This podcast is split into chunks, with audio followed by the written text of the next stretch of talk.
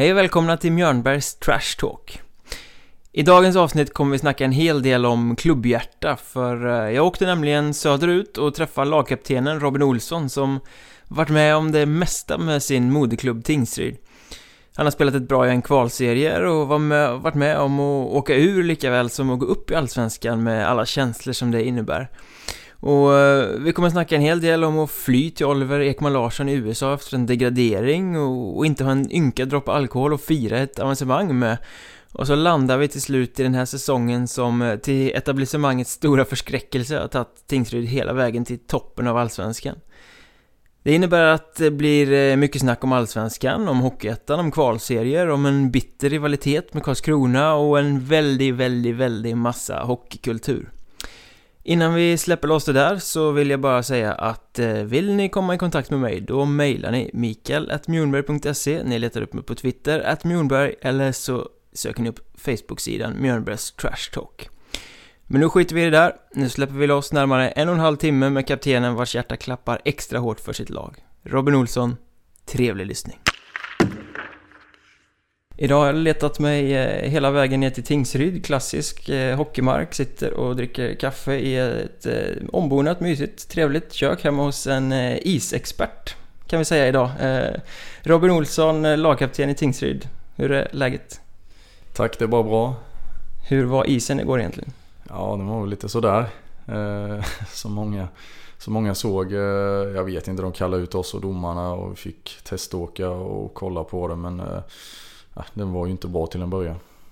Ska vi kanske fylla i också att det här spelar vi in eh, dagen efter att Tingsryd har krossat Björklöven 7-2 och eh, en match som blev lite längre än vad den hade planerats att bli eftersom andra periodpausen blev förlängd för att isen gick sönder. Och det var ju så att domarna åkte ut eh, tre, fyra gånger tillsammans med dig och Björklövens kapten och stod och tittade. Det såg rätt roligt ut från läktarplats. Ni dividerade och vad sägs där nere egentligen när ni står och tittar på det här hålet? Nej, men det, det ska väl tas ett beslut om eh, hur fort vi kan börja matchen tillsammans med vaktmästaren och hur det ser ut. Liksom. Eh, självklart får det inte finnas alltså, för hög risk för skador. Det är ju liksom utgångspunkten. Och, eh, ett ganska känsligt läge precis i fickan där backar pinchar och forwards går ner. Och, eh, ja, det såg inte bra ut helt enkelt. Det var ganska så djupt och väldigt grynigt. Det hade ju smält fullständigt där. Eh, men vaktmästaren jobbade på och som sagt vi fick ut och vända ett par gånger och det blev 15 minuter, det blev 20 och det blev 10 och in och ut. Och... Men det löste ju sig till slut så det var skönt.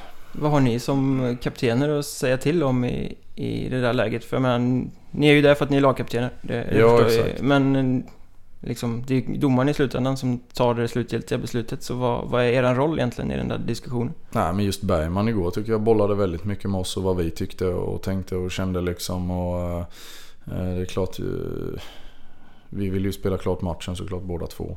Eh, men eh, det var mest att bara bolla med, med vaktmästaren med tid och vad de trodde. Och, och testa olika grejer. Varken jag eller, eller Öhman är väl som sagt utbildade is, isexperter. Men eh, ja, det löste sig till slut och det var lite kul för det ringde folk i, i pausen där nere i katakomberna. Någon spol Johan eller Kalle eller vad han heter från Leksand. Och talade om hur detta skulle gå till. Eh, men eh, ja, de fick koll på det till slut så det, det var skönt. Hade du och Stefan Öhman ungefär samma uppfattning?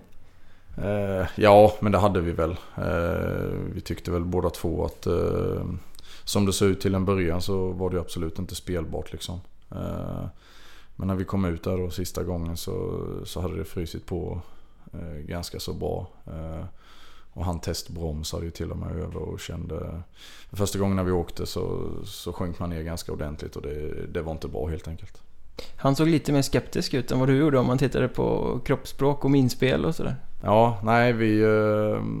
Det är klart man får ju tänka på just det här med risk och skador och allting men äh, äh, jag ville spela klart matchen och, och försökte trycka på att äh, vaktmästarna löser det här och ja, vi ville spela klart matchen helt Och ni fick spela klart matchen till slut i alla fall? Ja, precis. Men hur påverkar det där när man spelar? Ni hade spelat en period och kom ut och hade vilat 18 minuter för att spela en andra och så blir det typ en timme paus till. Hur påverkar det sättet man sen fullföljer matchen?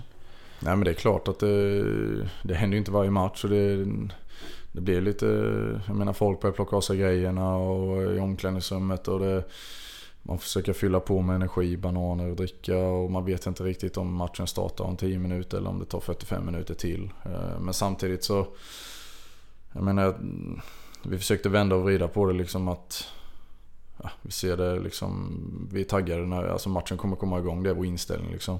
Tänk på Björklöven, de är bortalag. Vi har ändå vårt hemmaomklädningsrum och liksom känner oss hyfsat.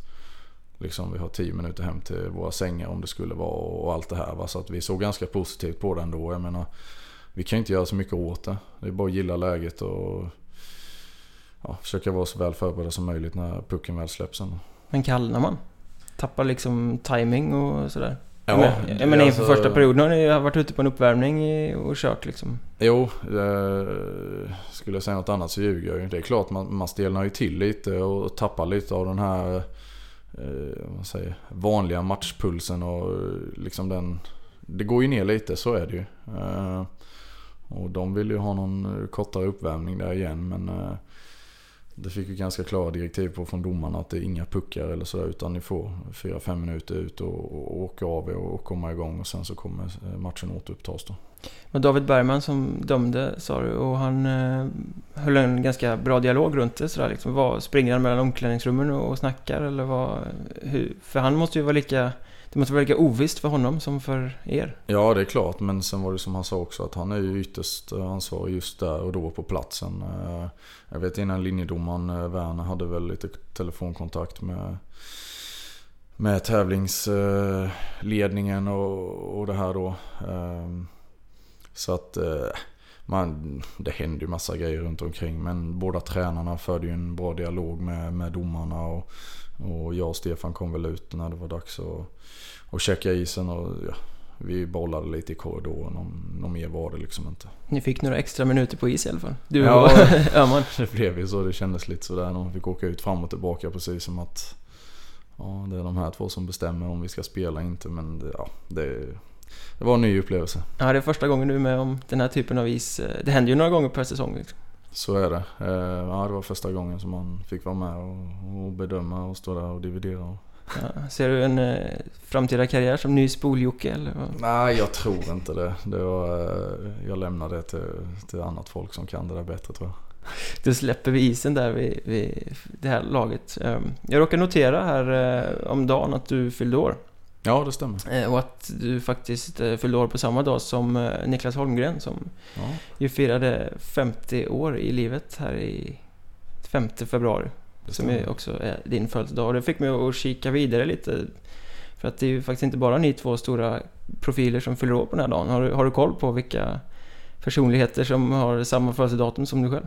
Uh, ska jag vara helt ärlig så har jag inte det. Jag vet ju uh, Adam Åkessons pappa Allan han fyller år samma dag. Och vi brukar skoja med varandra. Grattis, grattis. Men uh, nej, annars har jag ingen koll faktiskt. Jag kan upplysa dig lite om att förutom Niklas Holmgren så har du ett gäng fotbollsspelare som du delar födelsedag med. Gamla rumänska George Hadji. Jaså? Eh, sen har du eh, Neymar, Cristiano Ronaldo, Carlos Tevez, eh, Jesper Blomqvist och eh, Sven-Göran Eriksson. Wow, man kanske skulle satsa på fotbollen då låter det som.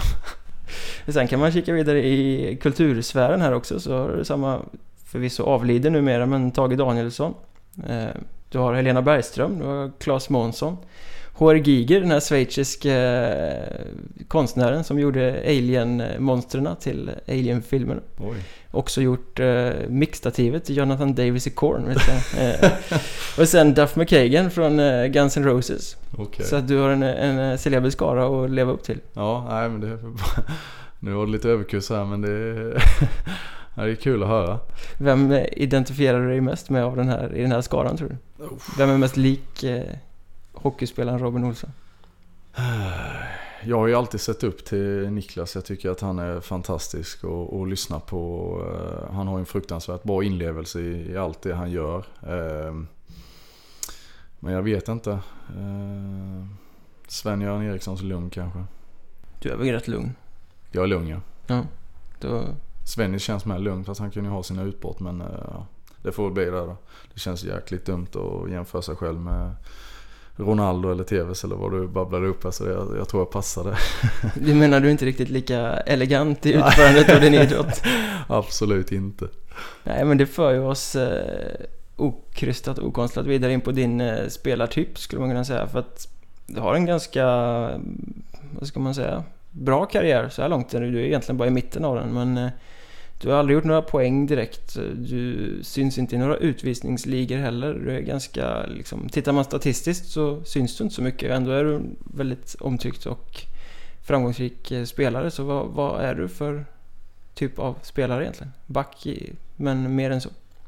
Ja, men det är väl lite som du säger. Det eh, hänger väl... Det det är väl långt tillbaka i tiden. Eh, Jag var väl lite av en late bloomer om man säger. Om vi går tillbaka redan innan hockeygym och det här med smålandslag och TV-pucken och allting. Jag var ganska liten och var egentligen aldrig i närheten av att, att komma med i, i TV-puck och så vidare. Jag var väl egentligen elfte back på hockeygymnasiet här i Tingsryd när vi började. Vi hade 6,88 backar före mig och, och 5,89 som, eh, ja, som hade spelat TV-pucken och, och, var på en betydligt eh, högre nivå än vad jag var på då. Eh, men eh, jag vet inte, man har väl tagit motgångar och, och alltså fått jobba hårt liksom. Och, Uh, många runt omkring som har stöttat och liksom uh, sagt att ja, men, tålamod liksom och, och hårt jobb så, så kommer det.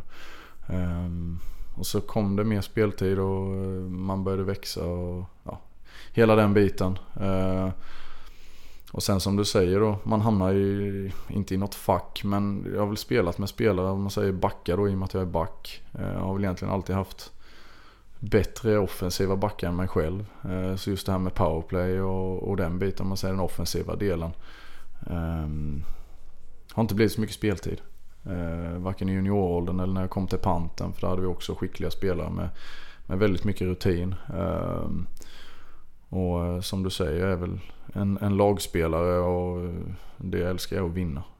Eh, och göra det i ett lag liksom när, när allting funkar.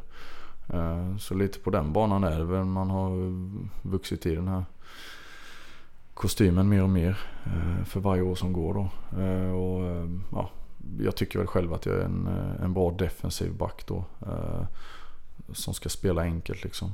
Ska man rama in dig på, genom att säga så att på samma sätt som du inte syns så mycket i statistiken så är du som bäst när du inte syns på isen heller? Ja men lite så. Jag tycker alltså det, som, jag tycker det är svårare att spela till exempel i division 1 de här matcherna. Vi hade ju många skickliga spelare som Alltså, det blir ju inte samma spel när du möter ett, ett mindre skickligare lag kanske.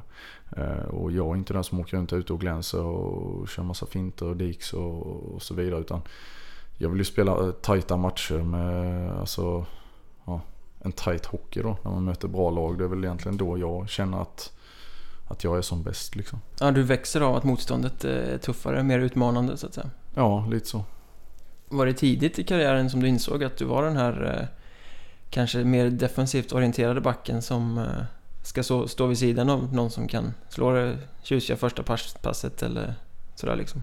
Men det har väl varit en del säsonger eh, där man vet om liksom att jag kanske är den defensiva utav oss två backar då. Eh, spelat med Dave då de senaste säsongerna, Linda som är väldigt duktig offensivt. Och då får man ju ta ett mer defensivt ansvar och kanske inte... Eh, Ja, blir det så att den andra backen följer med mycket upp i anfallen då måste jag ha någon som säkrar lite. Eh, sen tycker jag självklart, ge, ge, ges chansen så, så följer jag jättegärna med upp. och eh, det är inte så att eh, bara för att jag vet om att jag är en bra defensivt back och spelar mycket boxplay och så här att jag inte försöker utveckla min offensiv utan eh, ja, jag försöker så fort läge ges och, och läsa spelet och försöka följa med upp så mycket som möjligt. Då. Många sätter ju likhetstecken ofta mellan defensiv back och småful back eller så här, men det är du ju inte heller. Du, du är ju inte en buse liksom. Nej, eh, skridskoåkning är väl kanske inte heller mitt eh, adelsmärke och jag menar reglerna har ändrats, ändrats med, mycket med hakningar och, och allt det här de, de senaste åren så att eh, det är väl en kombination av att försöka läsa spelet och eh, eh Sen är jag ganska lugn i grund och botten både på och utanför isen. Eh, kan väl tända till några gånger rejält om, om det behövs eller om det skulle bli så. Men nej, det, det är ju inte bara att sitta i utvisningsbåset så att det gäller att spela på den där sköra linjen. Ja, men jag, det måste ju ändå vara balansgång och, och hitta en defensivt stabil nivå utan att behöva närma sig gränsen egentligen. Ja, antingen så får man ju spela aggressivt och tufft såklart eller som du säger, du nämnde innan någonting elegant. Men det kan jag inte sätta mig i det, i det facket heller. Eh, nej, skämt åsido. Det eh, tränare jag haft och tränare som jag har liksom säger att eh, du kan spela mycket tuffare och aggressivare. Eh, så det är någonting jag försöker tänka på. och Spela mer fysiskt och jag vet att jag är stor och, och har den kapaciteten. Så att, eh, ja. Men känner du att du har utvecklats den här säsongen i, i Allsvenskan då? För nu har du ju fått tuffa matcher i varje omgång egentligen kontra de senaste säsongerna när Tingsryd har legat i Hockeyettan och liksom egentligen inte fått de riktigt bra matcherna förrän fram på våren. Eh, ja, det tycker jag väl. Eller, det är ju som... Eh, man lever ju i nuet ju. Eh, det är klart vi hade ju fina derbyn mot Troja och Kallinge och det var liksom bra hockeymatcher, tuffa matcher det också.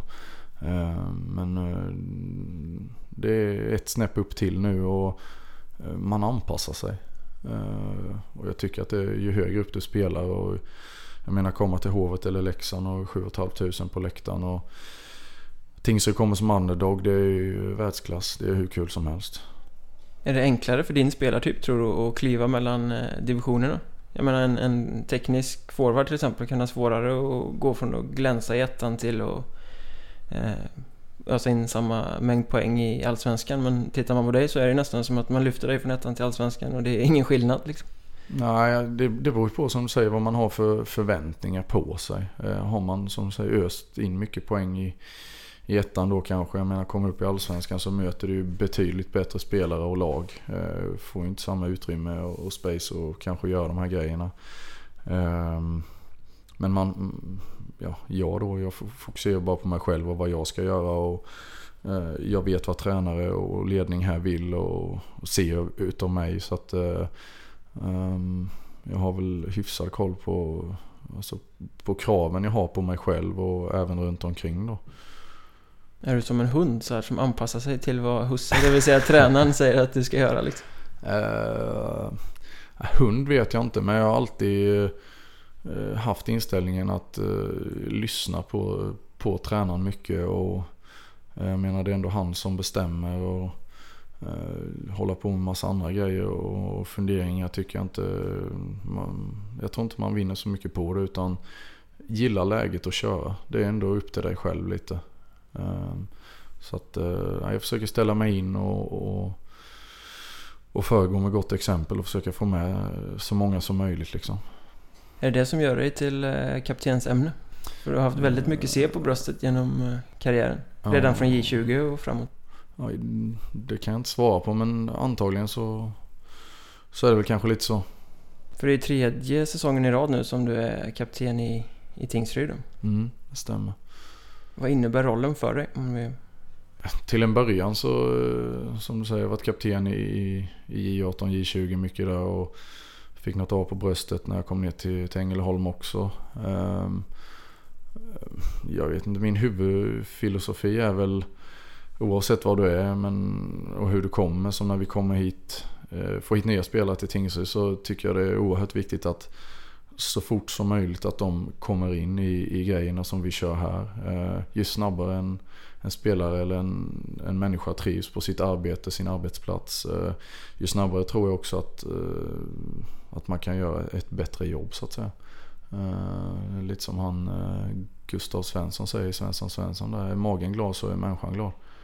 Eh, och det tror jag faktiskt jäkligt mycket på. Eh, ju, ju, snabbare du trivs, ju snabbare vågar du göra de här grejerna ute på isen vid sidan om. Eh, alla växer liksom. Så din kaptensroll är egentligen viktigare vid sidan av isen än just ute på isen under matcher till exempel? Nej, det är väl en kombination tror jag. Eh, jag menar, jag älskar och eh, som sagt, eh, de flesta vet väl om mina egenskaper och, och kunna täcka skott och visa liksom att ja, jag gör vad som krävs liksom för att vinna den här matchen. Det är ingen som räknar med att jag ska avgöra en match med, med tre mål och, och två assist. Utan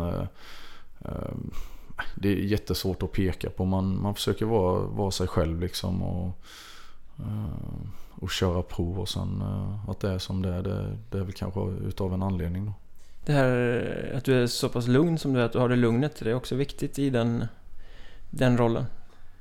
Eh, ja, till en viss del tror jag. Eller tror du, det, om vi säger så här, Eh, tror du det är därför du blev vald som kapten från första början till exempel? Det är svårt att svara på det positiva men jag tror att man har lite fördel av att eh, man kan kanske hålla igen lite ute på isen om det är något man tycker är fel. Och så här just diskussioner med domarna då i och med att vi har en dialog där i varje match. Eh, eh, så tror jag det är en fördel att vara ganska lugn och lyssna och säga vad man tycker och tänker. Istället för att brusa upp och skälla och liksom Eh, det vinner man nog inte så mycket på. Eh, sen varför jag blev vald från början det vet jag inte. Vi, vi hade ju en omstart här då. Eh, jag var väl assisterande det året vi åkte ur Allsvenskan med mycket importer och, och så vidare. Sen i omstarten så ville de väl, jag tror de ville ha en kille härifrån. Och bland de äldre i, i det gänget och vi fick in mycket yngre nya killar. Och, ja, sen har det ju rullat på därifrån. Blev det lite papparollen också på samma gång?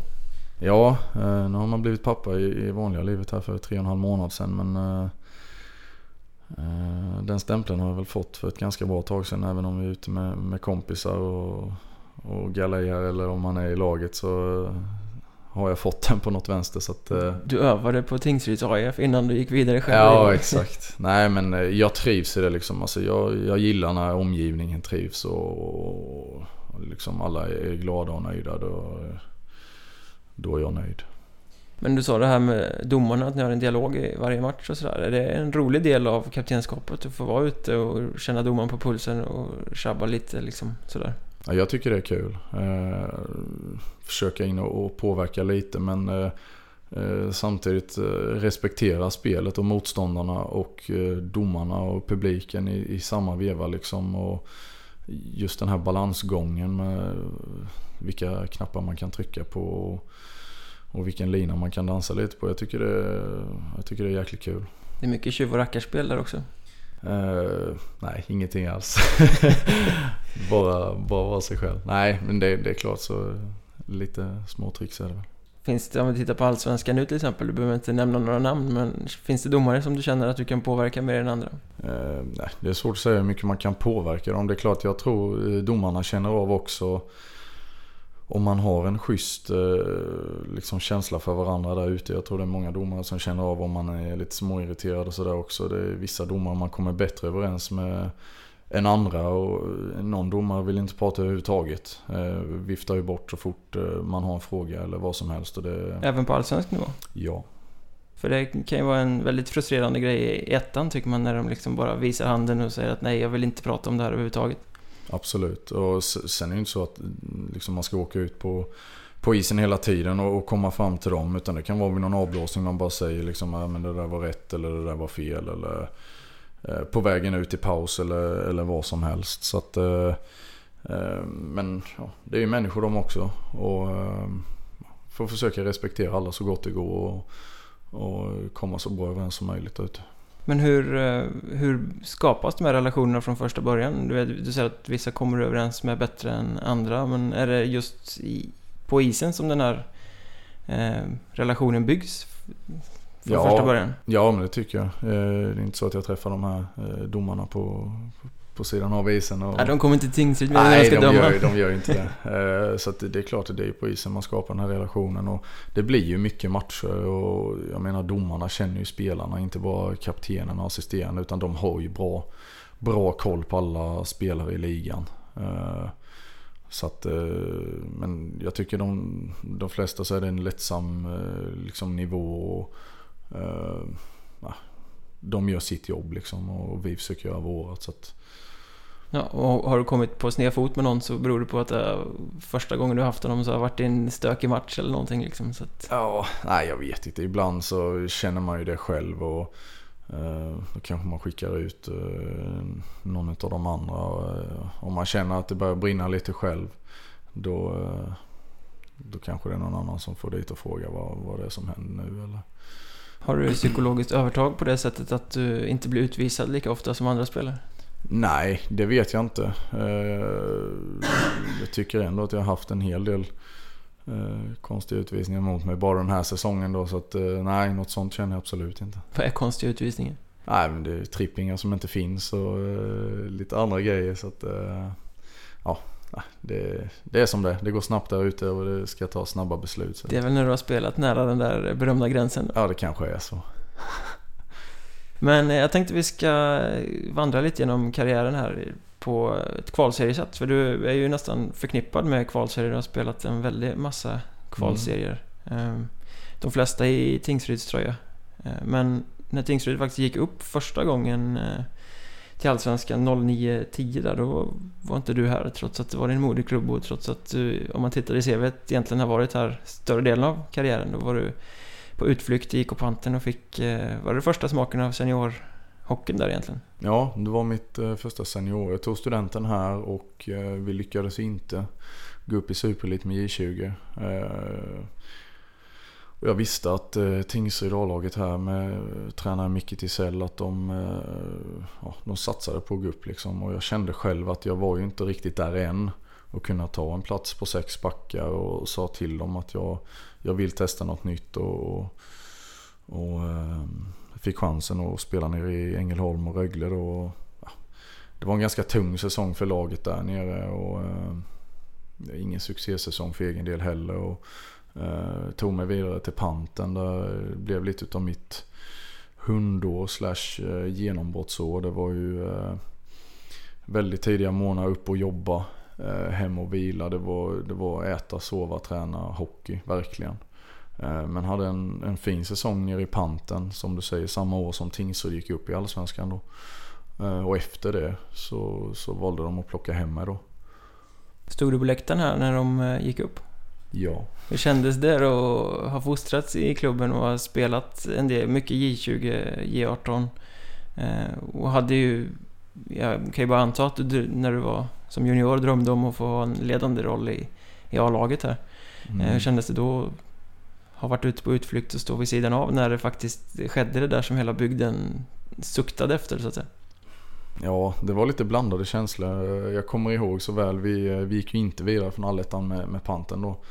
Ehm, och eh, några veckor senare så ringde de från Nybro faktiskt.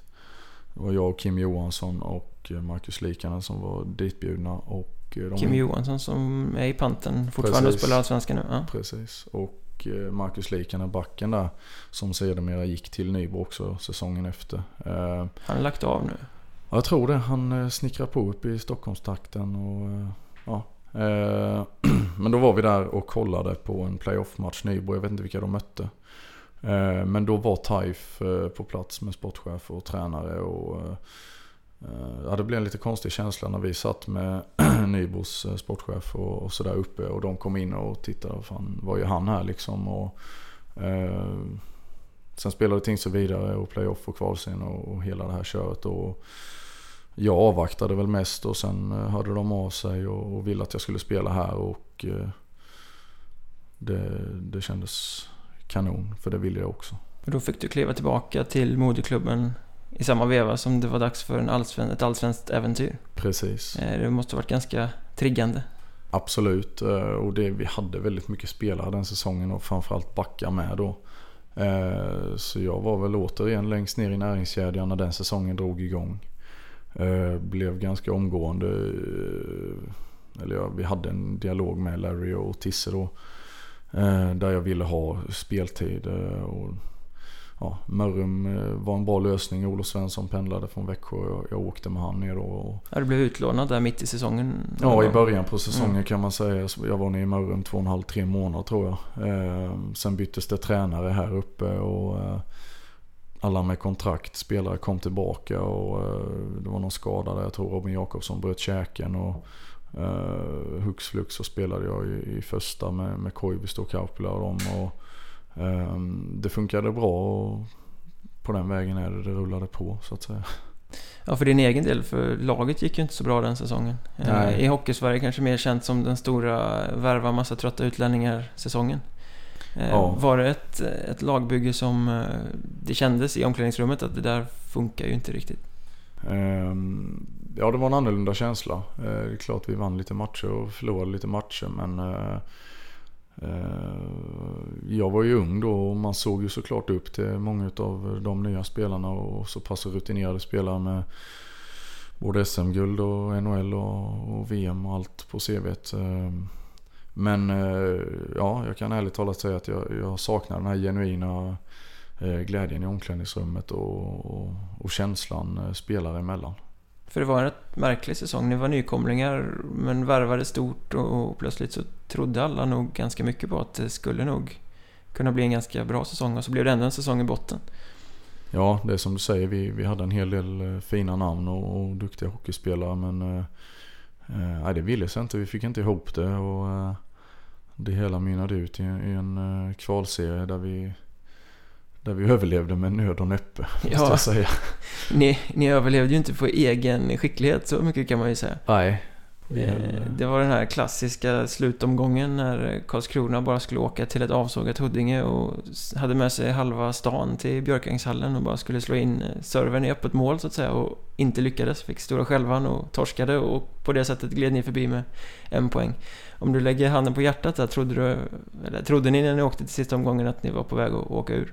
Ja, det var en... Eh, eller innan matchen, det är klart så länge möjligheten finns men det, det, det, var ju väldigt många orosmoln på, på himlen den dagen kan jag säga. Den enda i laget som verkligen trodde på det var Viktor Olin Karlsson. Han är ju alltid positiv och, och glad i, i, sig själv. Så att han sa det, vi, nej, det här löser sig. Det, det är lugnt, det löser sig. Ja, för det var ju så att även om ni vann eran match så hängde allting på att Karlskrona inte fick ta poäng mot Huddinge. Ja, ja, det var en väldigt uh, konstig match och dag överhuvudtaget. Jag tror uh, Håkansson tackades av i Troja, Mr Troja där.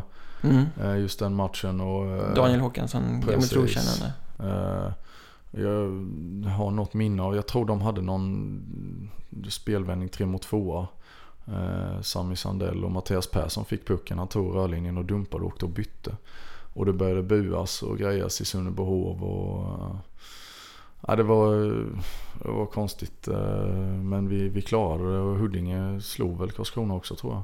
Ja, Huddinge vann med 3-1 mot ja, Karlskrona. Men, och Troja var väl eh, färdiga för att klara sig kvar redan? Ja, de var där... väl klara etta där inför sista omgången. Eh, men nej, det var, jag vet inte, det var nervöst från vårat håll och de kunde ju spela avslappnat och jag vet inte hur matchen slutade. Eh, Nej, det har jag inget minne av heller. Jag har för mig att ni vann. 3-2 eller 4-2 eller någonting. Ja, något sånt där. Um, nej, men det var, det var väldigt konstigt i alla fall. Uh, men uh, väldigt stor lättnad efteråt. Ja, känslan där när ni tittar på resultattavlan och säger Va? Vann inte Karlskrona? Ja, här vi... Nej det var glädje och stor lättnad. Jag vet målvaktstränaren hade väl direktkontakt med eh, och visste ju läget. Men vi fick aldrig reda på något riktigt nere på bänken utan eh, det var full fokus på våran match då. Men eh, Karlskrona ville ju inget annat heller än att spela ner Tingsryd eh, i den kvalserien. Mm. De hade satsat hårt för att ta sig till Allsvenskan och rivaliteten supportrarna Tingsryd, eh, är ju vida bevittnad så att säga. Så att, var det extra skönt då på något sätt som Tingsryds kille att ni fick behålla platsen framför näsan på dem? Ja, men självklart. Eh, det, det var ju enda målet vi hade när vi gick in i kvalserien, att, att klara oss kvar. Och, eh, det blev ju som vanligt i en kvalserie att bli nervigt och, och verkligen gastkramande in på slutet. Alltså, det var ju en oerhört skön känsla. Lärdomarna från den säsongen? Eh, växte du som hockeyspelare där? Du fick spela i backpar med Koivisto och vara med i en, en kvalserie där du faktiskt hade en viktig roll och, och klara sig kvar och ha de här matcherna med kniven mot strupen. Mm. Eh, ja, jag fick lära mig oerhört mycket. Det var ju Jocke Fagervall som kom hit och tog över då tredje tränaren den säsongen. Ja just det, ni bytte tre gånger. Det var så uh, superkaos. Ja, det var... det var någon finne som inte kunde engelska som var här också. Ja, vi hade en, en, en tränare som hette Kari eh, Rauhanen där. Eh, några månader innan eh, Fagervall kom och eh, tycker jag då styrde upp skeppet på ett, eh, ett bra sätt. Ehm, men visst lärde jag mig mycket. Jag menar det var ju min andra seniorsäsong men i Allsvenskan just det här allt runt omkring med media och som du säger det skrevs mycket i tidningar om Tingsryd och alla värvningar och allting och man ser och lär känna de här killarna. Och, så det har man ju tagit med sig väldigt mycket både på gott och ont från, från den säsongen. Lärde sig att på den här nivån är man inte bara hockeyspelare, man är en eh, medial produkt som får förvänta sig att bli sparkad på också. Ja men lite så är det. Jag menar det var ju väldigt mycket spelare ut och in och Uh, nej, det gäller att leverera alltså. Så är det Ja, och det gjorde ni ju knappt Ja, alltså, vi- alltså vi höll det- oss- ni höll er kvar men inte mer, så kan man säga. Så kan vi sammanfatta det hela ja. Sen eh, blev det en säsong där ni eh, klarade kvar i, i Allsvenskan därefter, men året därpå så var det dags för kvalserie igen och det var dags för Karlskrona igen. Nya holmgångare säsongen 12-13 eh, är vi framme på då. Vad var din övergripande upplevelse av den kvalserien? Eh, nej men återigen eh, komma, om man säger från allsvenskan och ner i en kvalserie är ju det är ju tufft. Det är inget som, som bara sägs utan alla spelare och lag som har varit där och folk som följer de här kvalserierna för varje år vet ju att det, det är mer än hockey. Det är lite hjärnspöken och andra grejer som, som tillhör också där. Så att, eh, ja, Och återigen, ni hade ju faktiskt eh, den kvalserien lite på gaffen. Karlskrona kom från Allsvenskan då, de hade gått upp året innan, varit dyngsämst i den serien, haft Skrik-Janne som var inne och rörde runt, kom ner i en kvalserie och var skräckslagna. Jag vet, jag såg några matcher med dem och det var ju ett lag som sett manskapet inte gick att att känna igen. Och som också började kvalserien med att förlora matcher som de inte skulle förlora.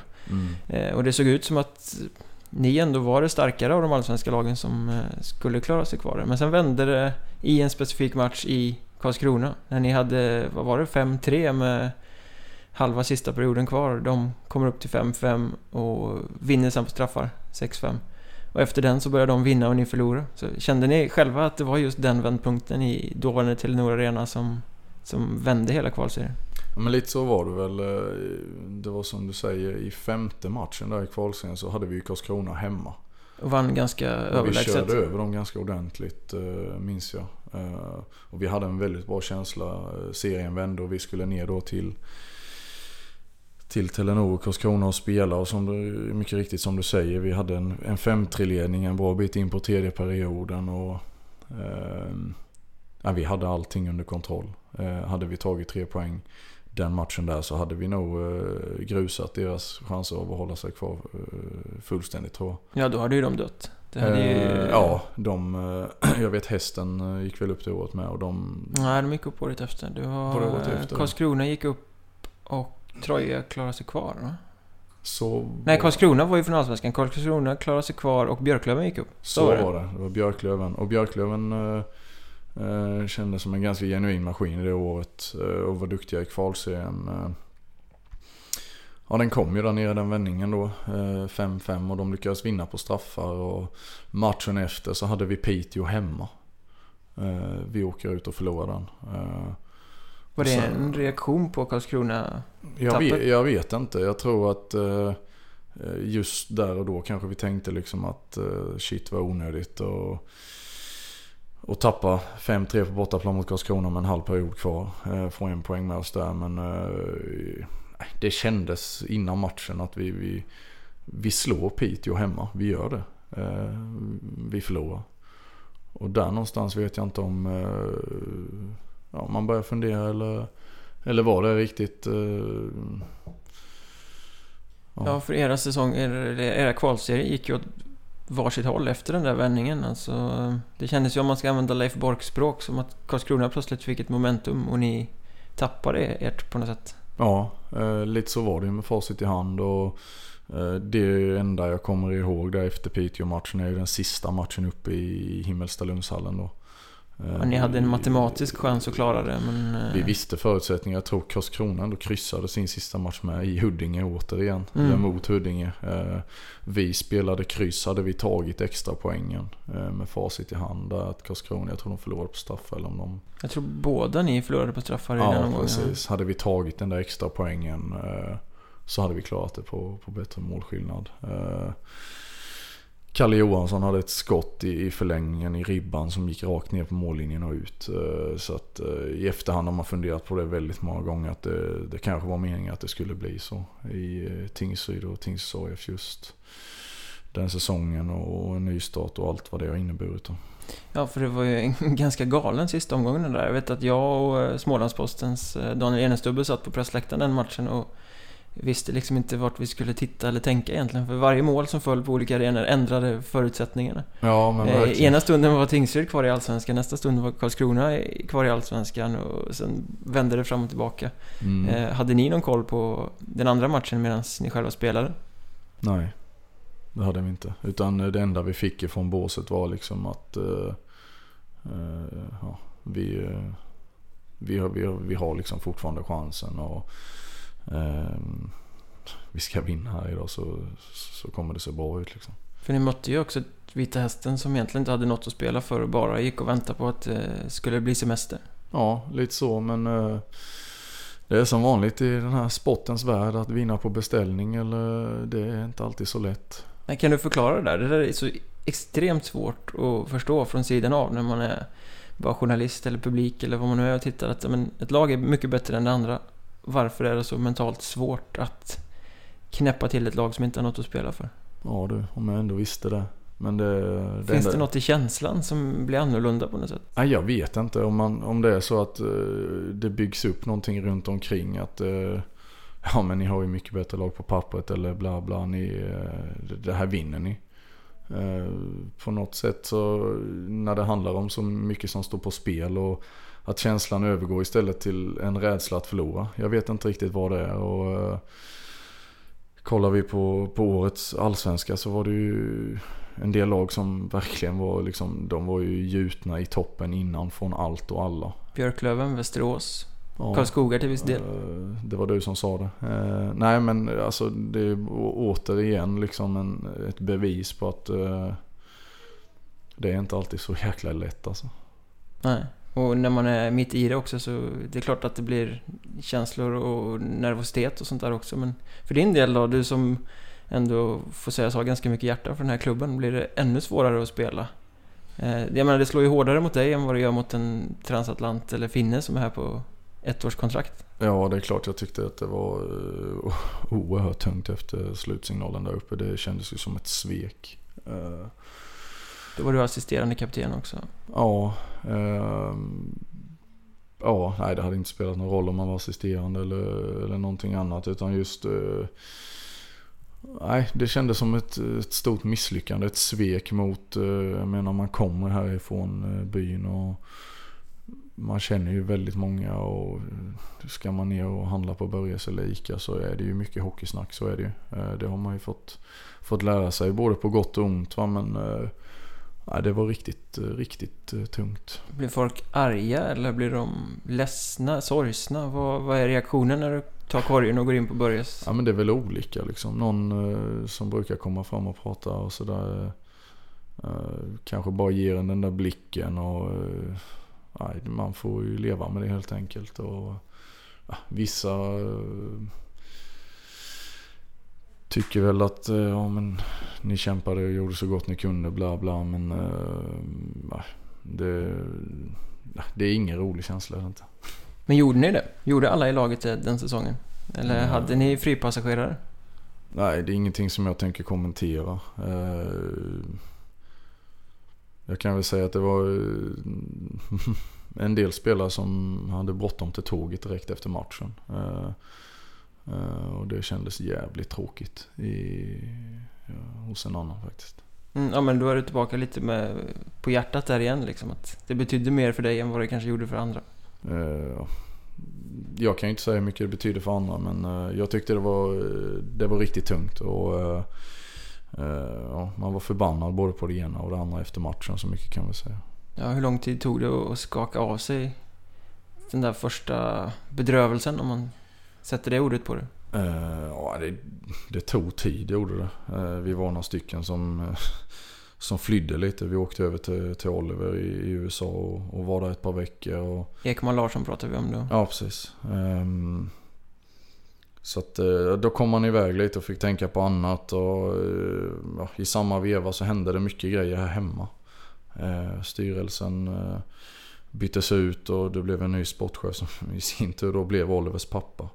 Och- Han var kanske Olivers pappa eh, innan han blev sportchef. Ja, det stämmer ju också mycket riktigt. Men eh, att vi just var där då och att han ringde och tog den första kontakten och ville på något sätt då skapa ja, bygga om lite och renovera om man säger just i, med Tingsryds AIF och nystarten i division 1 och allt vad det innebar. Och, um, jag fick fundera på det några dagar däröver men tackade faktiskt ja. Eh, och det kändes bra. Och det var Jakob Nilsson, eh, min bror Linus, Filip Ovesson och Rasmus Johansson, hela ligan. Niklas Sjöström var ju med där över. Och det är klart vi pratade ju mycket om det. Och, och eh, och såg det som en möjlighet och vi ville spela för TAIF. Ehm, så, så, så blev det. Ja, för med där någonstans, eh, det blev en degradering. Du hade gjort det lite ett, jag vet inte om man ska säga namn, men du hade visat i konsekventa säsonger att du kunde spela på allsvensk eh, nivå. Så just där och då så måste det ha varit lite en brytpunkt. Du borde ha haft möjligheten att gå vidare, någon, precis som många andra, till något annat allsvenskt lag. Ja, alltså just då, alltså, jag hörde ingenting ifrån och något annat allsvenskt lag. Och, eh, nej, någonstans så sa både magkänslan och hjärtat att, eh, att jag ville spela i, i Tingsryd för att få någon eh, form av, eh, eh, jag vet inte om man kallar det upprättelse eller revansch liksom. Eh, man var så besviken själv och samtidigt så ville man liksom inte bara lämna över eller sticka därifrån liksom. Utan det kändes ganska naturligt ifrån från det att han ringde första gången och förklarade lite hur de tänkte och funderade och såg på saker och ting här hemma. Eh, både som en, som en nytändning och nystart men eh, som du säger som chans till revansch liksom. Sen sa du det själv eh, förut att det var nästan som att det var menat att hända för Tingsryds AIF att ni skulle åka ur i den där kvalserien.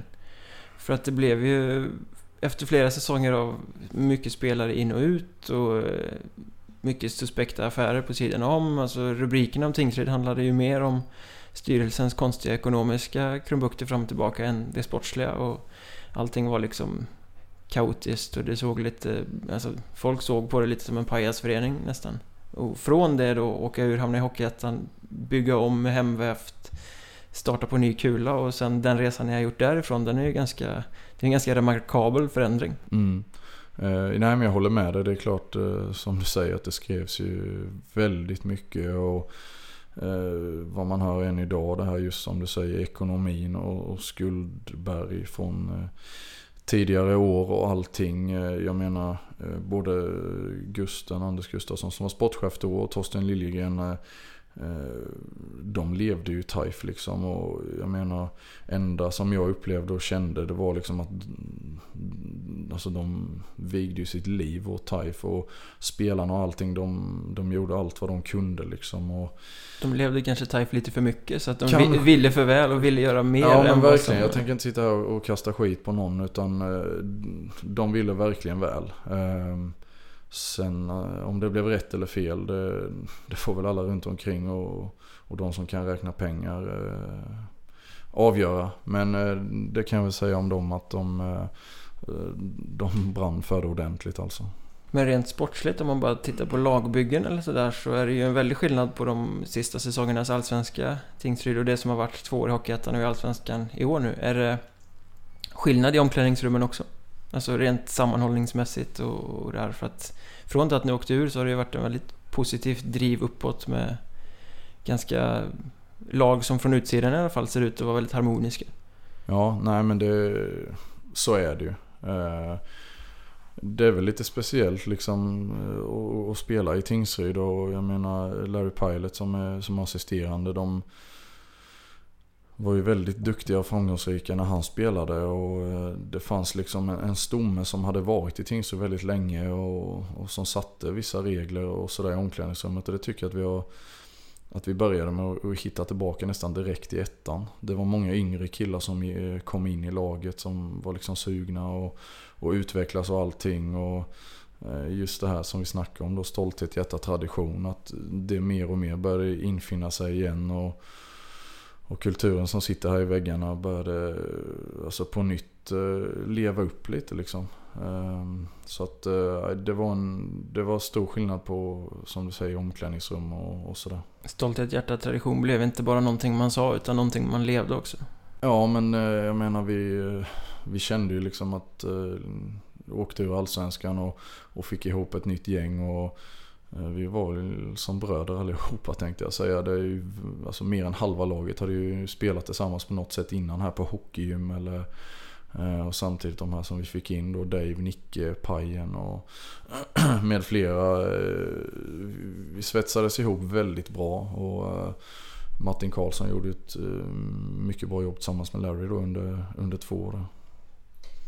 Och då hade du haft eh, två kvalserier. Den ena som ni klarade kvar på nåder och den andra där ni rasade ur. Och då blev det, vad ska man säga? Det är klart att den första var positiv, ni klarade det ändå men det var kanske inte jättepositiva vibbar runt den hela tiden. Men 13-14 då, så det första året i ettan så tog ni er till kvalserien igen för att ta er tillbaka. Räckte inte hela vägen men det kändes ändå som med det laget ni hade att ni fick ut ganska mycket max av, av vad ni hade för potential kanske. Ja. Eh, det måste vara ganska positiva minnen från den kvalserien, även om den inte räckte hela vägen. Ja, men eh, precis som du säger där, det jag kommer ihåg eh, efter den säsongen och efter sista matcherna hemma så spelade de upp någon, eh, eh någon, eh, vad ska man säga, någon resumé från säsongen med bilder och från fans och allting. Jag kommer ihåg att den säsongen började eh, ganska så tufft. Vi förlorade hemma mot Nybro i premiären. Sent avgörande va? Det var mycket folk. Jag tror det stod 3-3 eller 2-2. De gör avgörande målet med, med 20 sekunder kvar eller någonting. Så det, det, var en ganska tuff smäll. Vi hade Nittorp borta i andra matchen. Eh, ett lag som vi bara skulle slå. Eh, jag tror det stod 2-2 efter två perioder eller om det var efter innan det lossnade. Jag tror vi vann med 6-2. Men vi hade i alla fall två bussar med fans upp till Nittorps lilla ishall. Och, um, och de börjar tänka, oh nej, ska det fortsätta på det här ja, spåret? Ja, nej men det, man träffar ju många efterhand och jag vet det var folk som grät. Eh, alltså det, de tänkte att shit, det här blir en tung säsong igen. Eh, men vi lyckades vända det. Sen tror jag vi vann 16 raka eller någonting. Och vi fick in ett bra självförtroende i laget. och Ehm, ja, det, där någonstans så, så började det tuffa igång liksom. Och i, i kvalserien väl sen så det såg bra ut ett tag ända tills ni vek ner er i två raka matcher.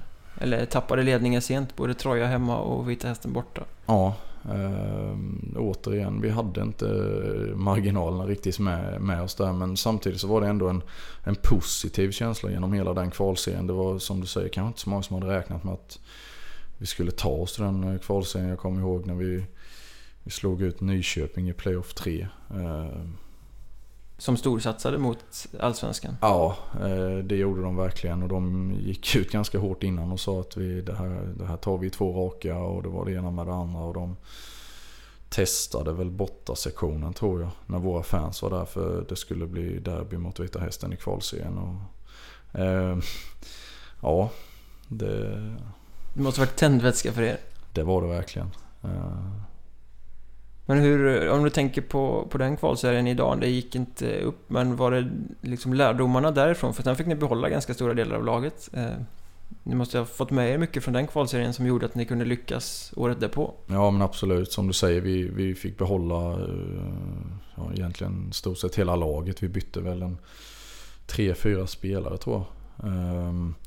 Och vi lärde oss väldigt mycket. Vi fick ju in, om man säger, det var många det året som var första och seniorer som hade spelat juniorhockey innan. Och eh, eh, just den här positiva känslan liksom att eh, ja, vi, vi gick så pass långt förra året liksom med, med ny grupp och nystart och allting. Var, fansen var nöjda och kände liksom att det är någonting på gång. Och, eh, men samtidigt till år två då blir ju, som du säger, då ökar ju pressen liksom och förväntningarna att eh, och vi hade en liten halvbrokig väg där eh, genom eh, grundserien innan jul. Och... Även i allettan? Jag har för mig att ni i första halvan av allettan var snudd på skräckslagna. Eller såg ut så från sidan i alla fall. Som att ni liksom inte alls... Det var krampaktigt och ni ja, fick inte var... alls ut vad som fanns i laget. Nej, det var lite krampaktigt och... Eh... Panten då gick ju direkt till kvalserien. De eh, röjde ju igenom allettan där. Eh, och eh, ja, vi fick ta den här bakvägen igen då och snikla oss igenom de olika playoff-stegen. Men eh, på något sätt lyckades med detta och eh, återigen då kom in i, i kvalserien med en väldigt positiv känsla och det här underdog-läget liksom att nu jäklar. Och sen visste vi förutsättningarna på förhand att fyra lag upp. Fyra utav sex lag går upp i år. Så att, Var det en morot eller en press? För Nej, med... det, det, jag vet inte hur, eh, hur det var riktigt. Eh, eh, det enda jag kan säga är att man visste ju om att chanserna på förhand var ju relativt mycket större än... För det brukar i historiskt sett vara något lag i en kvalserie på sex lag som, som inte tar så många poäng. om man inte är det laget så har man ganska stor chans att gå upp just det här året. Samtidigt som det här lite genanta att vara ett av två lag som inte lyckades i en serie där alla chanser i världen fanns. Måste ju också ha funnits med i bakhuvudet någonstans. Ja, eh, inte att det skulle vara genant eh, tycker jag. Jag menar AIK och Södertälje hade väl eh, betydligt eh, större press eh, på sig. Minst sagt. Just i det vi, avseendet. Vi stod väl alla på barrikaderna och sa att det finns inte en chans i helvete att något av de här lagen åker ur när det är fyra platser. Nej, så, så sades det, men eh, så blev det inte. Sen blev Södertälje laget som tog minst poäng i den där kvalserien. Det hade inte ens ni kunnat gissa på att det skulle hända. Nej, eh, jag vet inte om vi gissade någonting överhuvudtaget. Vi, eh, vi gick in i den här kvalserien eh, med en positiv känsla och eh, utgången blev ju fantastisk. Hur var Södertälje att möta?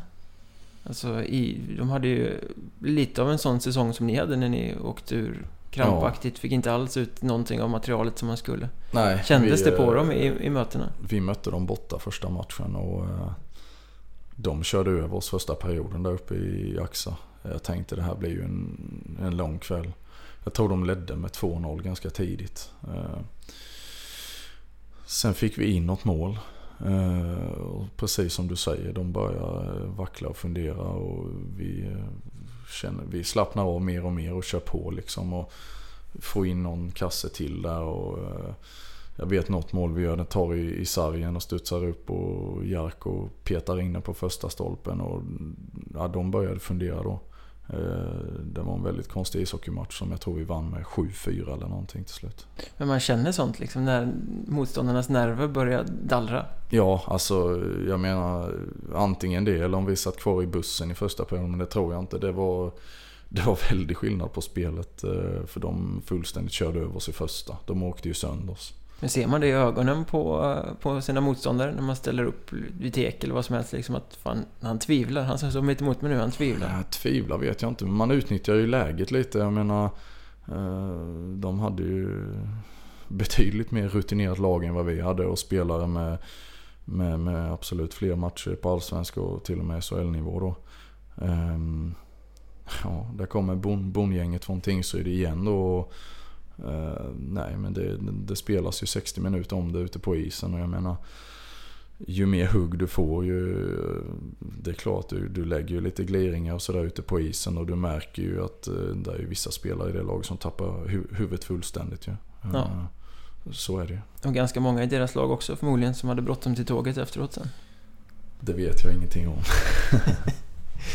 Men ni fick slå in matchbollen på Hovet sen också. Eh, Johanneshov, en match, jag kommer inte ihåg, men ni förlorade nog på straffar eller någonting. Ja. Men den där poängen räckte. Hur, hur var det att få göra en sån sak på, i en så klassisk arena? Nej, men det var helt fantastiskt ju. Eh, den känslan, eh, som du säger, vi kryssade ju den matchen men eh, direkt efter slutsignalen så så innan förlängningen och straffarna ens hunnit börja så tror jag spiken sa, det var en tjej som satt i spiken, jag kommer ihåg den här rösten att att både AIK och Tingsryd är klara för Allsvenskan nästa år eller, eller någonting sånt där. Och ni tittar på varandra och så är det sant? Stämmer det? Stämmer det? Mm, ja. Nej, vi var väldigt glada i båset och eh, att de tog extra pinnen där i straffarna just då och nu, det gör ju absolut ingenting. Jag menar... Ni ville bara att det skulle ta slut så ni fick era TV-puckshög? Ja, men lite så. Eh, jag har sett de där bilderna och, och hör kommentatorn än idag efter säga liksom. Och Tingsryd de firar trots att de förlorar. Och, nej, men det var, eh, nej, det var riktigt kul. Men ni hade inte räknat med att bli klara den kvällen? Nej, eh, det hade väl kanske inte. Ni hade inte förberett något firande överhuvudtaget? Jag vet, jag var nere i, i katakomberna där i spelargången efteråt och Ingen champagne, ingen öl, in, ingenting överhuvudtaget att fira med. Det var liksom som att ni stod handfallna förvånade att oj, vi blev klara redan nu. Ja, nej men det är väl lite typiskt eh, oss kanske och eh, vi, alltså vi ville verkligen och Eh, vi hade nog blivit förbannade på varandra om det var någon som hade ballat ur innan och som du säger tagit med massa champagne eller öl och, och grejer. Eh, så att nej, vi hade nog inte på förhand räknat med att det, det skulle vara klart redan då. Ehm. För det här var ju näst sista omgången, om, eller var det tredje från slut? Nej, det var, sist, var nä, näst, näst, näst sista. Ja, precis. Ja, precis. Sen åkte ni hem och hade en eh, formsak mot Sundsvall bara för att ja, spela av serien. Eh, ja, jag, kommer ihåg vi fick någon öl på bussen där Daves, eh, Dave Lindahls pappa, eller om vi stannade eller hur det var. Vi fick in något eh, flak eh, på bussen så att vi, vi kunde njuta lite men det var, det var ingen fest överhuvudtaget eller, eller någonting sånt. Och det var väl så typiskt oss det, det året också. Vi, nej, vi ville avsluta snyggt och vi slog Sundsvall ganska komfortabelt hemma sista matchen där. Och, sen fick vi fira med fansen och allihopa hemma. Så att, ja, det var kul. Ja men det var väl någon liten expedition som pågick i Stockholmsnatten där vill jag minnas. För att få fram någon form av firande till bussen i alla fall. Det där flaket som du pratar om. Ja exakt, det blev ju lite så liksom. Nej, vi måste ju ha någonting och... Uh, Davesan hade ju kontakter där i Stockholm då, om det var hans farsa eller... Jag, jag kommer inte riktigt ihåg hur det var men vi... vi fick in det här flaket på bussen och vi Ja, det delades som bröder det kan jag säga. Men din personliga känsla då? Du hade varit med och åkt ur. Eh, som, eh, som du säger, det kändes som ett svek nästan. Eh, varit med om den här resan och sen så få vara med och ta upp laget igen. Mm. Eh, lättnad eller glädje eller hur? Vad hände inom dig där? Uh, Ja, allt eh, som du säger. Både lättnad, glädje, alltså stolthet, eh, någon form av revansch då såklart. Och att det gick, alltså jag hade egentligen inte förväntat mig att vi skulle Tingsryds eh, uttalade mål var att vi på en treårsperiod skulle ta oss tillbaka. Eh, men som alla vet så är det ju lättare sagt än gjort. Eh, och att vi gjorde det på två säsonger, det, det känns helt fantastiskt. Senast Tingsryd degraderades efter skatteskuld och liknande så tror jag det tog åtta eller nio år i division 1. Och, det är ju lätt att det blir lite av en slentrian liksom att i år är det vår tur men att det aldrig liksom händer. Eller sådär. Så det var, kände man att fan, det var ruskigt skönt att, att vi gjorde det så pass snabbt liksom. Ja, treårsplanen innebar då att ni skulle den här säsongen egentligen ta er upp till Allsvenskan och Nu hade ni aldrig i er vildaste fantasi kunnat tänka er att ni så här dags skulle leda Allsvenskan. Året när ni skulle gå upp. Nej, nej det, går, det går fort ibland gör. Uh, nej, det hade vi kanske inte förväntat oss innan. Men om du tittar tillbaka på de här kvalserierna som du har spelat, som börjar bli en hel del. Vilken var rent sportsligt den eh, bästa, tycker du? Det är klart att resultatet i den senaste var det bästa mm. för att ni gick upp. Men om, om, du ser till kvaliteten på motståndet och hockeyn som spelades? Ja, det är jättesvårt att säga tycker jag. Ehm,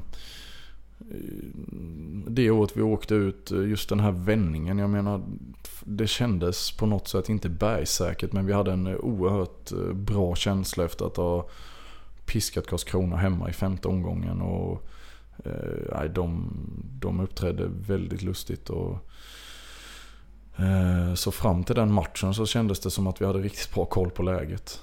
Eh, men sen hände det någonting och jag tycker det är svårt liksom att jämföra från år till år eller kvalserie till kvalserie. För att eh, det är som nya förutsättningar varje gång kan man säga.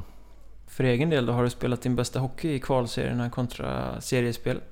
Eh, jag har väl alltid varit som bäst egentligen på våren. Eh, jag vet inte om det hör ihop med hela min karriär att jag är lite av en slow starter eller, eller late bloomer. Men eh, jag gillar att spela när det verkligen gäller. Eh, och det är då jag tycker det är som roligast att spela. Så att eh, ehm, just i en kvalserie med och som jag kan tänka mig i ett SM-slutspel så är det så mycket mer än just bara hockey i en serielunk.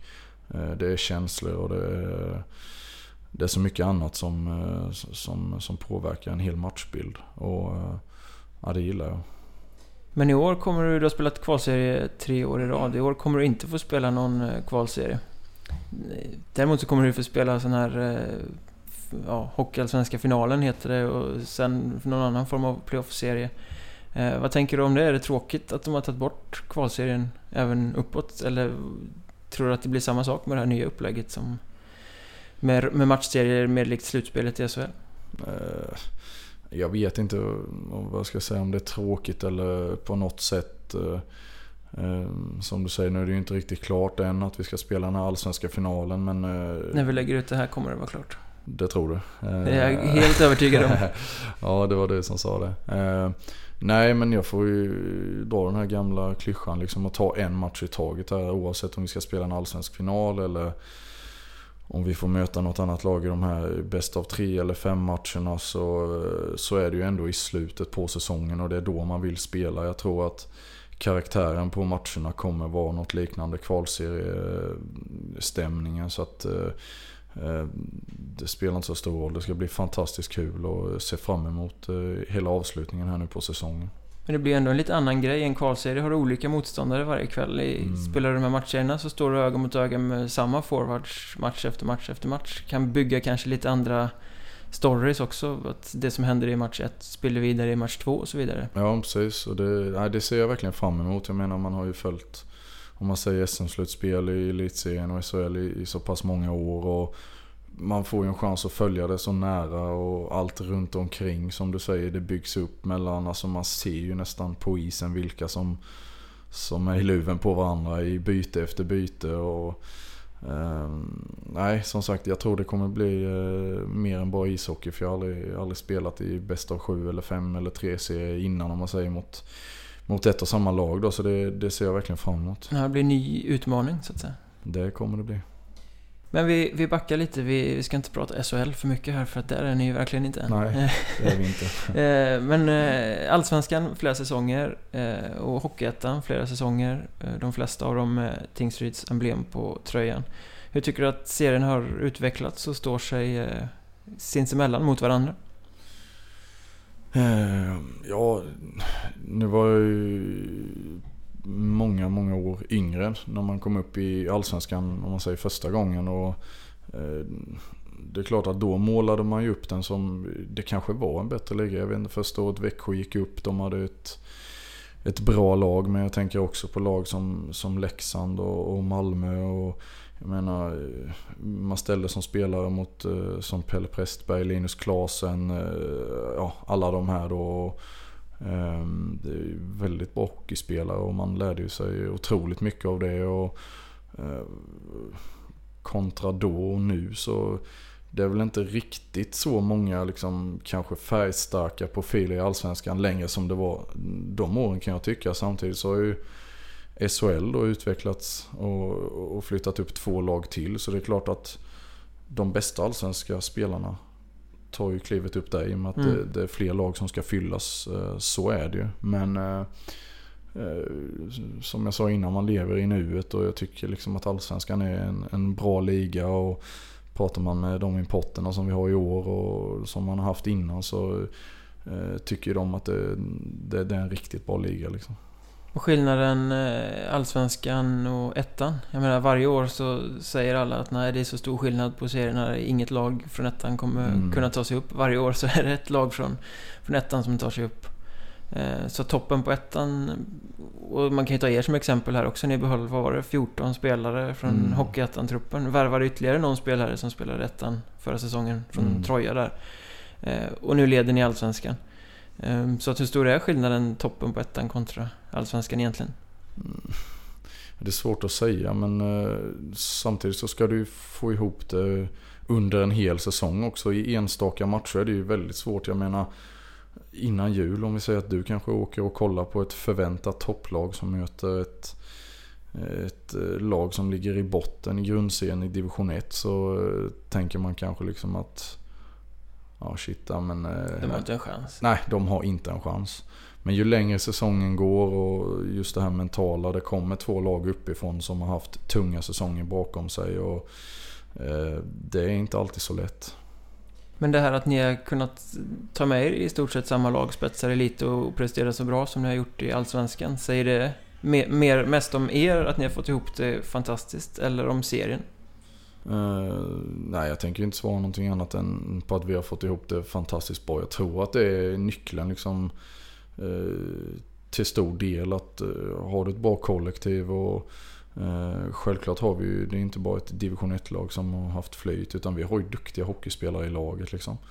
Ehm, sen är det väl upp till, till er då runt omkring och bedöma och ja, ni tippar och ja, ja, du vet hur det funkar. Ehm, men jag menar, vi har ju någonting som vi jobbar för här och som vi tror på liksom. Och, än så länge så har det ju burit frukt och, och gett ganska så bra utdelning måste jag ju säga.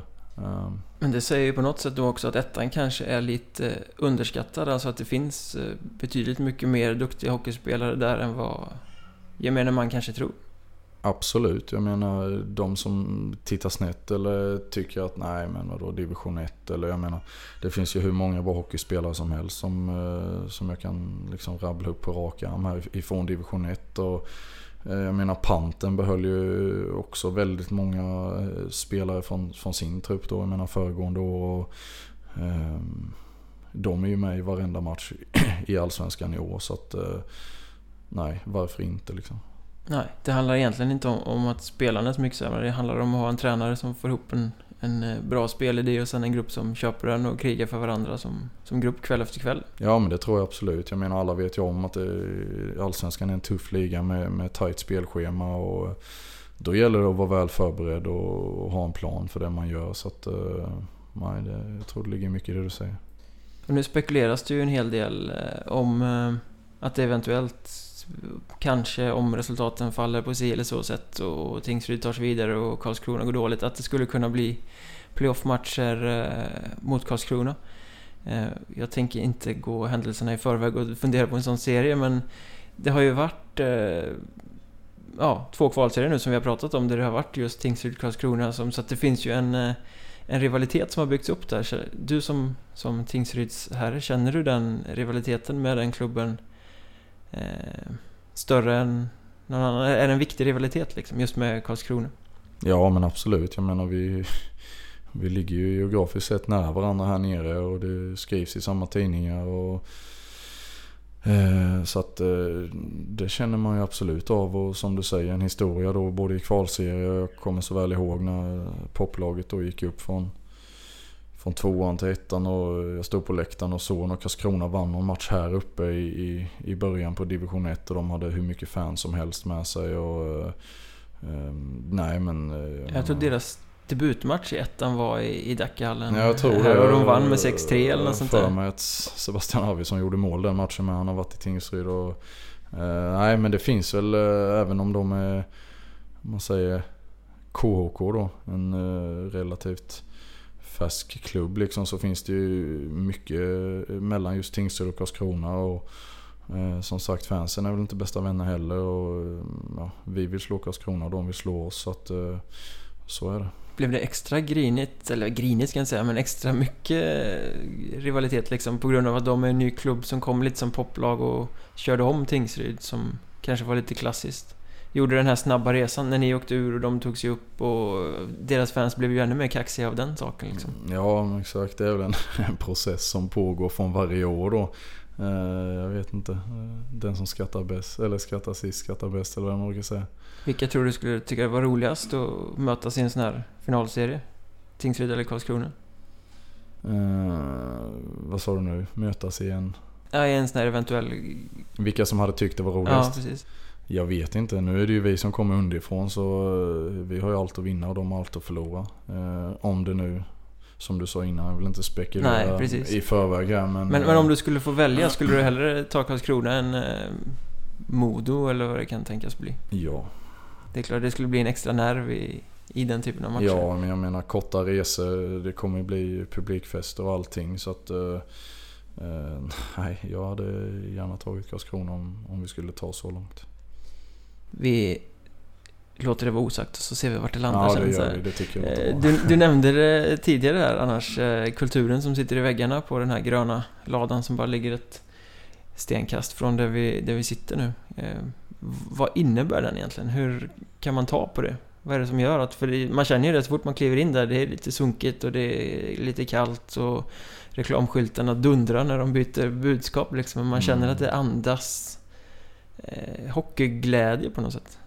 Ja, eh, jag vet när man är uppvuxen och allting här så har det ju alltid varit på ett visst sätt. Liksom det är klart att eh, hallen har väl utvecklats lite från, eh, från när en annan var liten kille och, och sprang runt och, och käkade popcorn på matcherna. Och just den här lukten bara man kom in i hallen så var ju liksom på sitt egna vis liksom. Och, Eh, men eh, nej, jag vet inte, det är oerhört många som, som brinner för hockeyn i Tingsryd. Och, eh, jag menar vi innan jag ens var född.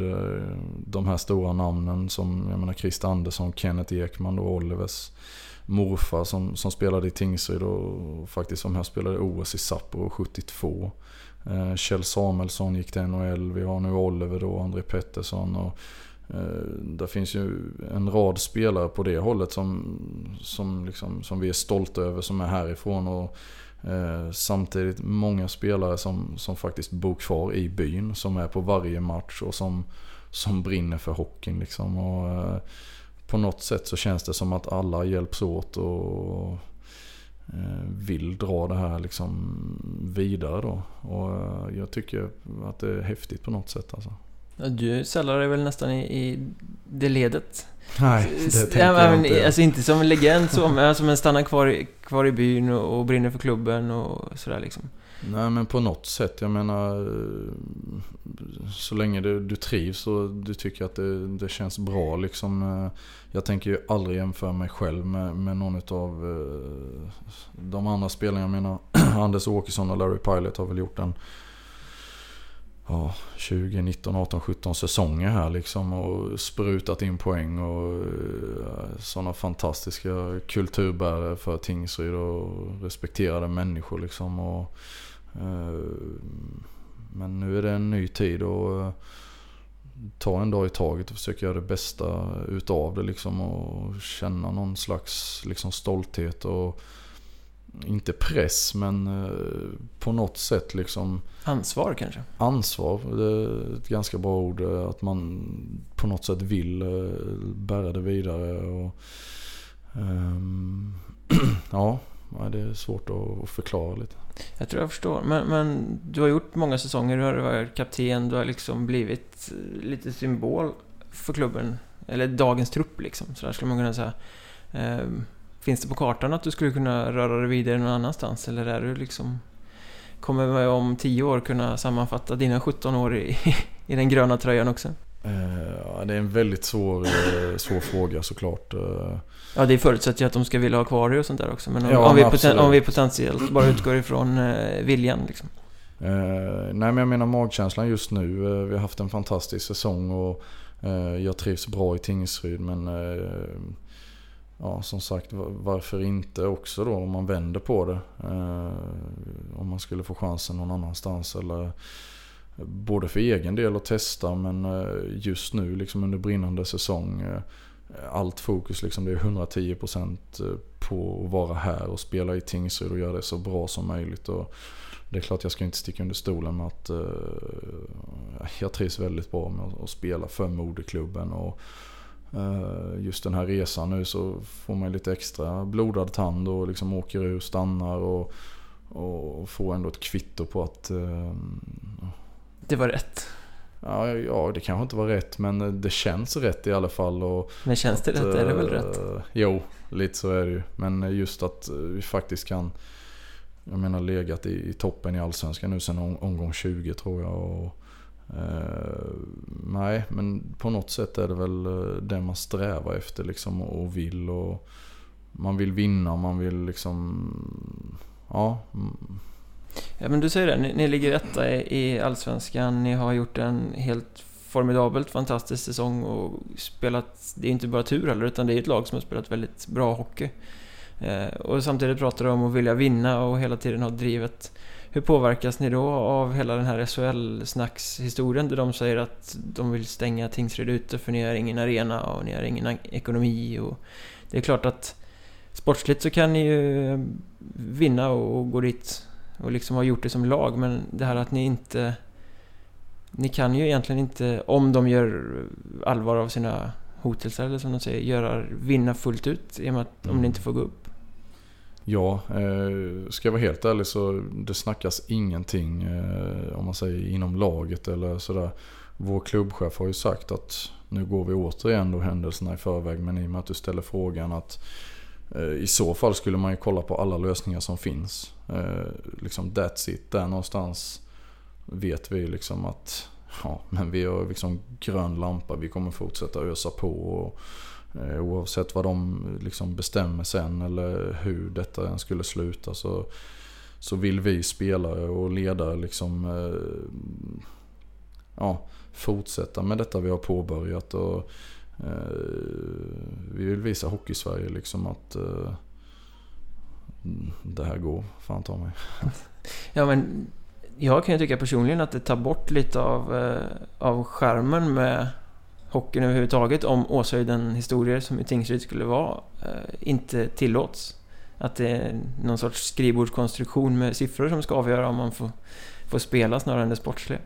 Ja, eh, det kan jag väl hålla med om. Jag tänker mer just på, på spelarna. Liksom. Jag menar, kolla på ungdomsspelarna som vi har här i Tingsryds AIF och i alla andra lag runt omkring. Just i småklubbar och, och allting. Ska det bli någon eh, liksom affärsverksamhet av det som du säger. Där, eh, ja, där det handlar om, om så mycket mer än, än, än just det sportsliga. Jag menar en kille som går upp innan skolan och tränar och har drömmar och växer upp kanske på ett litet ställe. Och, eh, jag tror det är viktigt att, eh, att, man, att man kan få drömma liksom. Och, visst det kan man ju göra även om, man, om det är en stängd liga. Man kan ju ta sig in i ett lag. Eh, men eh, jag tror att möjligheterna blir, blir mindre liksom.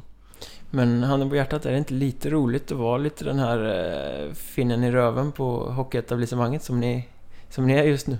Jo, lite det underdogsen som kommer upp och jävlas lite. Jo, det är skitkul. Men samtidigt så eh, det är ju inte bara liksom negativa tongångar och, och sådär utan jag menar folk som kommenterar matcherna från Simor och liksom de är, de, de är väldigt positiva och tycker att det är liksom kul vad de säger. Och, eh, ja, och skulle de inte tycka det så, så skiter jag fullständigt i det. Jag menar vi, vi är ju i den här ligan precis som alla andra lag. Och det är på isen det avgörs. Och, eh, ja, sen de som tar besluten och allting runt omkring då, då får de göra det sen. Eh, vi kommer bomba på alltså. Men eh, helt ärligt, alltså dina många säsonger i, i Tingsryd här så har det ju, många av dem varit, har det varit rubriker så har det varit eh, av negativ art. Mm. Eh, vi var inne på det förut, det kan ha varit ekonomi, det kan ha varit spelare in och ut, dåliga resultat. I år är det plötsligt merparten av allting som skrivs väldigt positivt. Det är succé och det är bländande försvarshockey och det är vassa kontringar och mm. liksom, Hur är det för din del då? Helt plötsligt allting har vänt. Från att vara laget som folk skrattar lite åt och skriver negativt om till eh, att folk imponeras och skriver positiva saker. Mm. Tar man åt sig någonting? Ja, tar åt sig. Det är klart att man, eh, man växer ju liksom. Det, det, det säger ju sig självt att det är ju roligare. Eh, så är det ju. Men samtidigt så det som inte dödar det härdar. Och men när man har gått igenom, eh, som du säger, tuffare säsonger och eh, en hel del kritik som både sagts och skrivits runt omkring. Och, eh, men ändå på något sätt kämpat vidare och, och trott på någonting. Och får vi ändå säga att den här säsongen har väl varit ett kvitto. Eller vi har ju fått utdelning i alla fall. Och, um, än så länge så tycker vi själva att vi, vi spelar en bra hockey och vi har kul tillsammans. Och, vi ligger högt upp i, tabellen och, och, allt det där. Så att, eh, nej, det är klart det, det känns väl oerhört eh, skönt att på något sätt kunna resa sig. Jag menar, det blåser andra vindar i Tingsryd ja, idag än för två år sedan. Lite så är det ju. Det har varit ganska hårda, hårda vindar om man säger. Och, och inte allt för mycket positivt men Eh, en eloge till, till hela byn och till föreningen och, och allt folk som jobbar ideellt och, och allt liksom att uh, just den här viljan att knyta näven tillsammans och uh, um, det tycker jag är helt fantastiskt faktiskt. Den här lite vi mot världen mentaliteten. Ja, men lite så är det. Finns den kvar? Påverkas den av att när det går bra? Annars har ju, om man ser de senaste tio åren så har det ju gått ja, kanske lite mer sämre än än bra för klubben. Det har blivit lite Mm. den här... Men supportrarna har alltid varit väldigt eh, hårdnackade, slutit sig samman och, och stöttat upp laget. Lite den här Hammarby-mentaliteten att det är nästan ännu mer support när det går dåligt. Ja, Eh, Så här liksom, riskerar det eh, att att vick- vicka nu när det plötsligt går bra? nej det hoppas jag inte. Jag menar vi har ju fantastiska supportrar. Vi har ju Oavsett om vi spelar borta eller hemma så var vi än spelar så har vi ju alltså supportrar på plats. Och nu senast eh, i helgen när vi hade Dalaresan så var det ju en hel buss som följde med på den här trippen då. Och vi hade lite käk och samkväm på dem, eller med dem i- på fredagskvällen i Mora just. eh, Det är så otroligt många som brinner för TIFE och, och tycker att det är så jäkla roligt liksom. Och, ehm, jag vet inte, det är klart publiksiffrorna nu, men nu är, har vi ledat, eller lett allsvenskan liksom